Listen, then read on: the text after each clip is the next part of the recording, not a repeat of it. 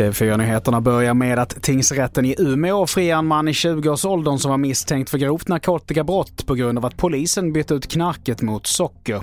Tingsrätten hänvisar till Högsta domstolens friande i ett fall där polisen bytte ut en AK47 mot en attrapp. Mannen stod åtalad tillsammans med tre andra för ett beslag på tre kilo amfetamin. Två av de andra dömdes till två år respektive 18 månaders fängelse. Vi fortsätter med att idag så kom beskedet att en tioårig flicka avlidit efter ett fall på runt 10 meter från ett skoltak i skånska Svedala.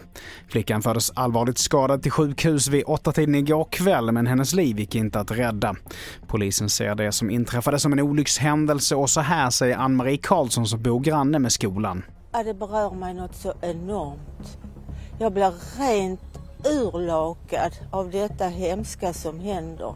Men man kan ju inte mer än berätta för barnen att hur farligt det är.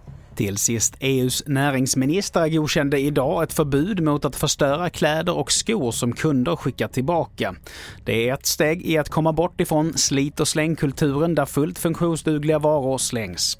Enligt förslaget så undantas små bolag helt och medelstora får fyra år på sig att ställa om. Fler nyheter hittar du på tv4.se. Jag heter Mattias Nordgren.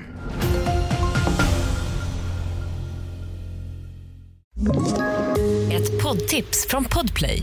I fallen jag aldrig glömmer djupdyker Hasse Aro i arbetet bakom några av Sveriges mest uppseendeväckande brottsutredningar. Går vi in med hemlig telefonavlyssning och, och då upplever vi att vi får en total förändring av hans beteende. Vad är det som händer nu? Vem är det som läcker? Och så säger han att jag är kriminell, jag har varit kriminell i hela mitt liv men att mörda ett barn, där går min gräns. Nya säsongen av Fallen jag aldrig glömmer på Podplay.